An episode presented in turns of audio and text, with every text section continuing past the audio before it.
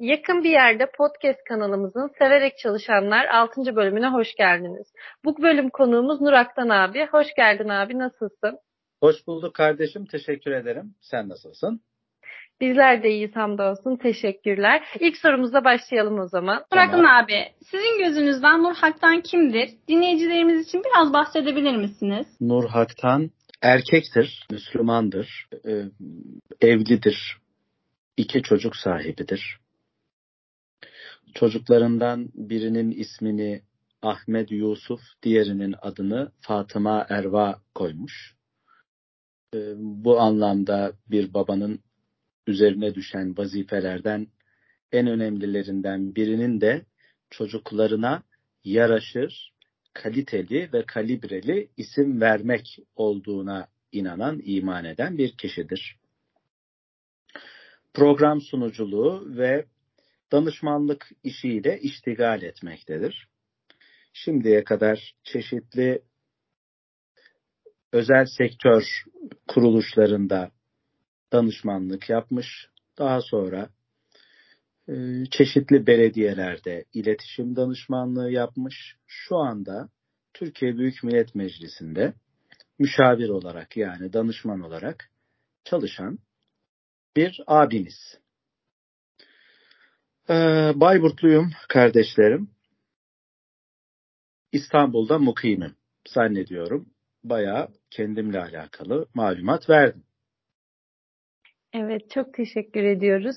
Peki, e, biz gençler olarak bir yol hayal ediyor ve e, o olmadığında yıkılıyoruz, düşüyoruz ve devam etmek istemiyoruz aslında. E, siz farklı bir alanda ilerliyorsunuz. Yaşlarımız, büyüklerimiz arasında da çok kabul edilmeyen aslında bir meslek yolunda ilerlemişsiniz. Sizin için yol nasıl ilerledi? Çevrenizdekiler nasıl tepki verdi? E, bize biraz bahsedebilir misiniz? Hüseyin Goncagül Balıkesir'deki yahut Çanakkale hatır, Balıkesir'di tabii. Balıkesir'deki bir program hakkında beni bilgilendirdi ve filanca tarihte falanca yerde ol, oradan da seni alıp hep beraber Balıkesir'deki o programa gideceğiz. Ne yapacaktım ben orada? Hacivat Karagöz gösterisi. Fakat yaşım oldukça genç, lise talebesiyim. Tabii bu işlere meraklı ve mütemayilim. Ama annem istemiyor. Niye? Çünkü anneme göre asgari ücretli dahi olsa sigortalı bir işim olmalı. Öyle günübirlik programlar ve işlerle iştigal etmemeliyim. Annemin düşüncesi bu. Fakat ben ısrarla sahneye dönük işler yapmaya meraklıyım. Annem gidemezsin dediği halde aslında yapmamam gereken bir şeyi yapıp evden kaçıp Balıkesir'e o programa gitmiştim. Annem e, beni aradığında neredesin? dediğinde anne Balıkesir'e gidiyorum. Böyle böyle bir program var. Akşam demiştim ya çabuk dön geri anne gemideyim gemiyi dön der Bayburtluyuz biz. Gemiyi dönder çabuk gel demişti.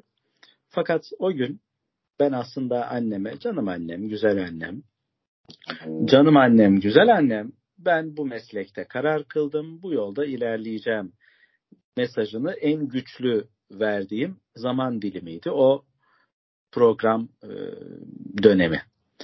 Tabii bu benim için kolay olmadı çünkü babam e, esnaf ve iyi de bir işimiz var. Kazançlı bir işimiz var. Hizmet sektörü, restoran işletmecisiyiz.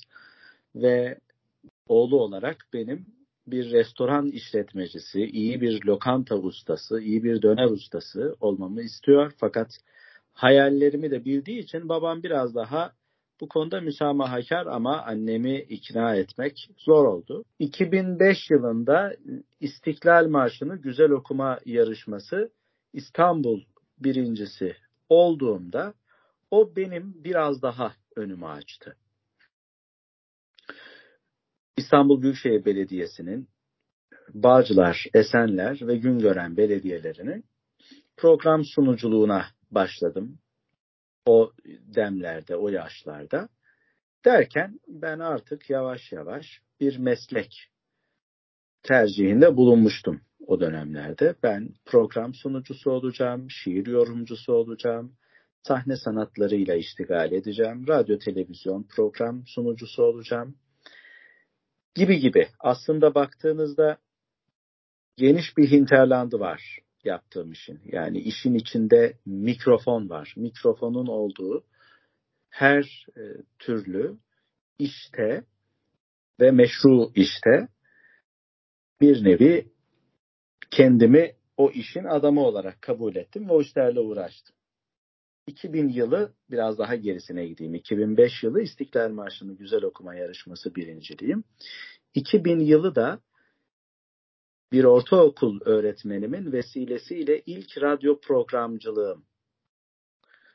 O da dini içerikli bir radyoda e, yaratılış gerçekleri ve Kur'an mucizelerini çeşitli eserlerden tabiri caizse ezberleyip anlattığım bir program yapmıştım. İlk radyo deneyimim de böyle olmuştu arkadaşlar. Peki abi e, böyle insanlarla konuşurken, iletişim halindeyken şey oluyor mu? Hani e, çok yanlış telaffuzlu kelimeler tırmalıyor mu kulağınıza? Hani hayır o öyle söylenmemeliydi diye. Hani sürekli düzeltme şeyinde bulunuyor musunuz? Nasıl geçiyor o süreç? Bir de şöyle bir şey var. Hani memuriyet gibi sabah 8 akşam 5'lik bir durum da değil. Hani sürekli içinde bulunduğunuz bir hal.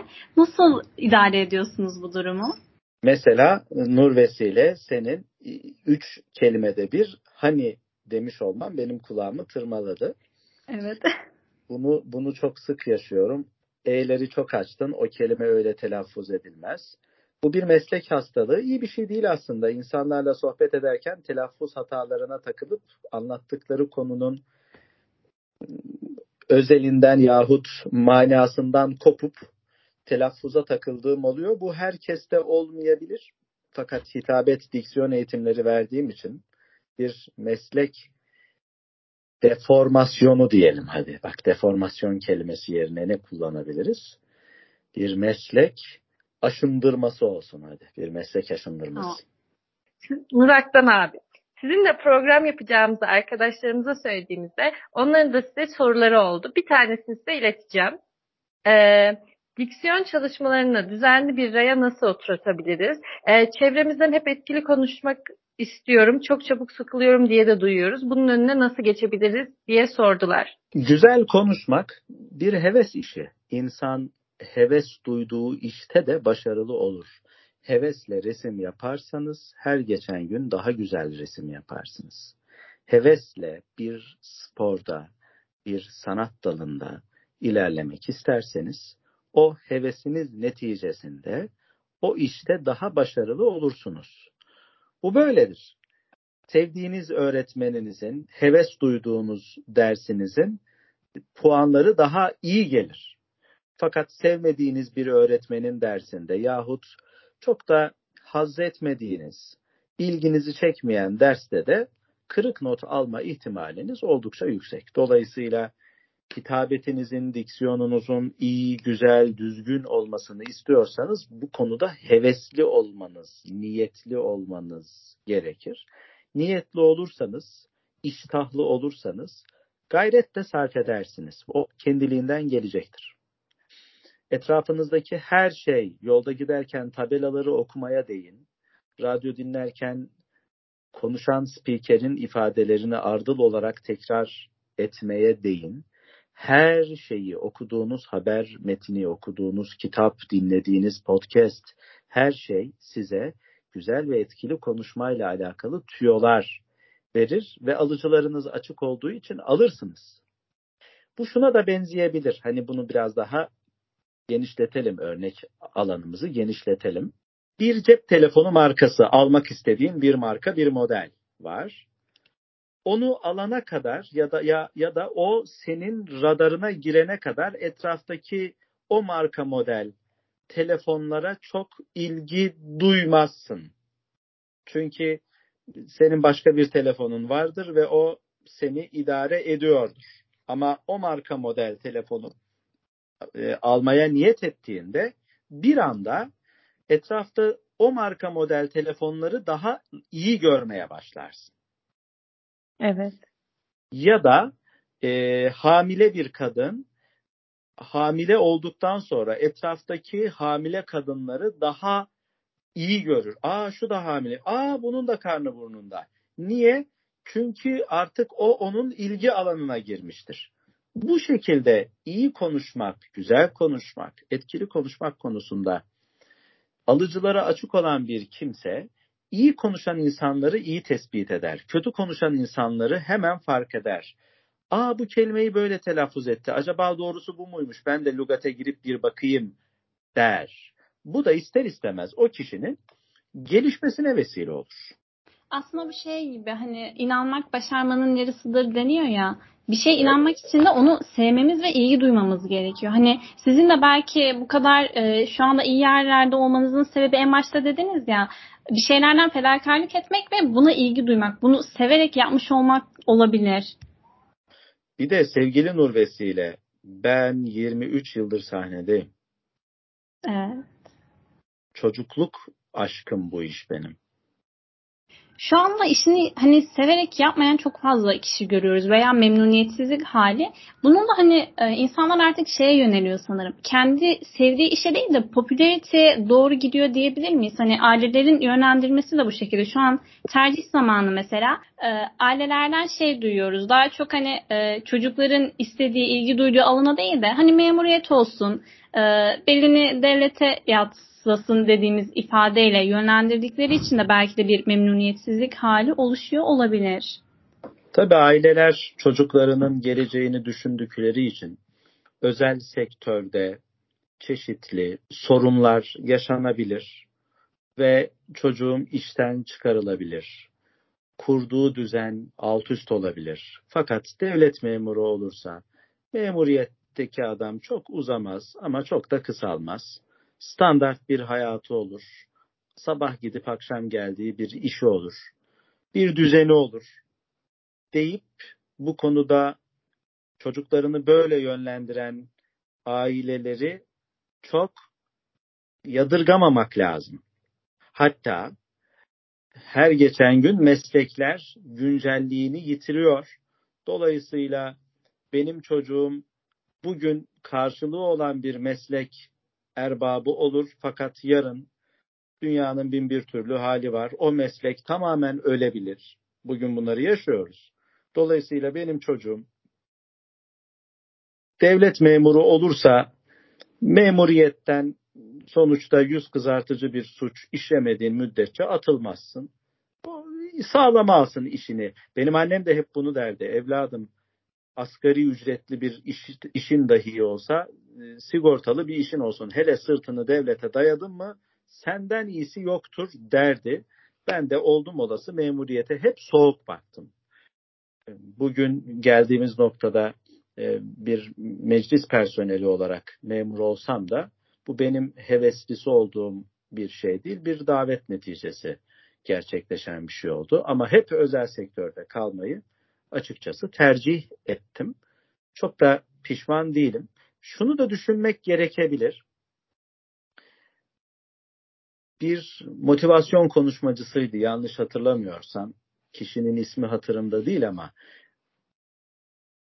mesleğinizden bahsettiğinizde anneniz babanız sizi gayet iyi anlıyor ve sizi destekliyorsa o meslekten vazgeçin. Çünkü önümüzdeki yüzyıl sizin annenizin babanızın bilip kabul ettiği mesleklerin neredeyse tamamı çöp olacak kabilinden bir cümle kurmuştu. Gerçekten böyle. Artık insanlar bir bilgi edinmek istediklerinde bir ustanın yahut üstadın yanına gitmek yerine YouTube'u açıp o konuyla alakalı oradan araştırma yapıyorum. Ben bugün bir yazılımın nasıl kullanılacağını öğrenmek için YouTube'u açtım. YouTube'da o konuyla alakalı içerikler oluşturmuş bir kişinin videolarına baktım. Eskiden o yazılımı öğrenmek için çok meşhur yazılım öğrenme firmaları vardı. Kursları vardı. O kurslara müracaat etmek gerekirdi. Bak şimdi yavaş yavaş kursu kendi parmaklarımın ucuna kadar getiren bir sistem var. O, dolayısıyla o kurslar bitecek. belki yarın öbür gün okullarımız da büyük ölçüde hüviyetini yitirecek. Bugün okulların varlığının en önemli vesilesi o genç yaştaki çocukların belli bir saat dilimi içerisinde belli kurumlar gözetiminde suça ve kötü alışkanlıklara bulaşmadan zaman geçirmeleri, bakın öğrenmeleri demiyorum, zaman geçirmeleri. Bugün okulların belki en önemli hüviyeti budur bile diyebiliriz. Çünkü öğrenme metotları çok değişti fakat hala tabii ki öğretmen öğrenci ilişkisi devam ediyor bu bitmiş diyemem ama e, okulların e, faydalarını sıralayacak olursak zannediyorum bugünkü birinci faydası belli yaş dilimindeki çocukların elbette bu liseye kadar üniversitede artık dünya bambaşka bir şeye dönüşüyor.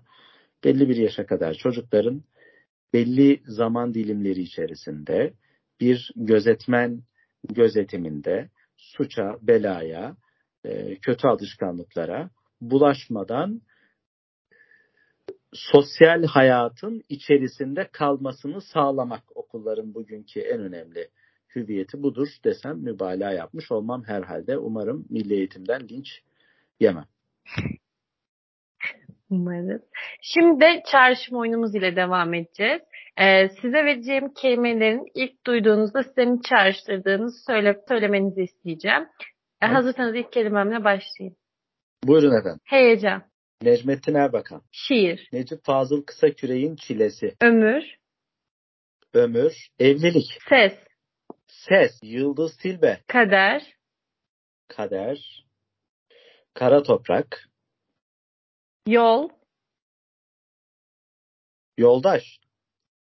Vakit. Sermaye. Verdiğiniz cevaplar için teşekkür ederiz. Şimdi bir sonraki sorumuza devam edeceğiz. Ee, abi hep diksiyon üzerine konuştuk. Ee, aynı zamanda siz bir sahne sanatçısınız. Uzun süre sahnede yer aldım da dediniz. Peki sürekli sahnede olmak nasıl bir duygu ve aynı zamanda protokol takdimleri olsun bunlarla da ilgileniyorsunuz. Hani o an o heyecanınızı nasıl yönetebiliyorsunuz? Heyecanımı yönetmek için sık sık sahneye çıkıyorum. Sık sık yaptığınız bir şeyde heyecanınızı da aza indirebilirsiniz. Dolayısıyla ben sahneye çıkarsam heyecanlanırım diyenlere o zaman sahneye çık. Sahneye çıkarsan heyecanlana heyecanlana heyecanını azaltırsın cevabını veriyorum. Peki bu e, bizlere verebileceğiniz tavsiyeleriniz var mı? Hani mesela mülakatlar olsun, iş görüşmesi olsun. Buradaki biz heyecanımızı nasıl yönetebiliriz? Ya da burada ses tonumuzu nasıl kullanmalıyız mesela? Evet.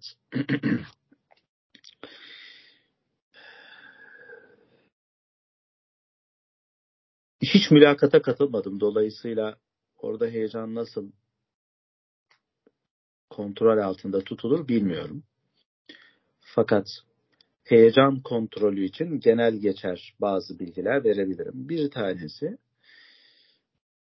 nefes kontrolüdür. Nefes kontrolü insanın heyecanını da kontrol etmeye fayda sağlar.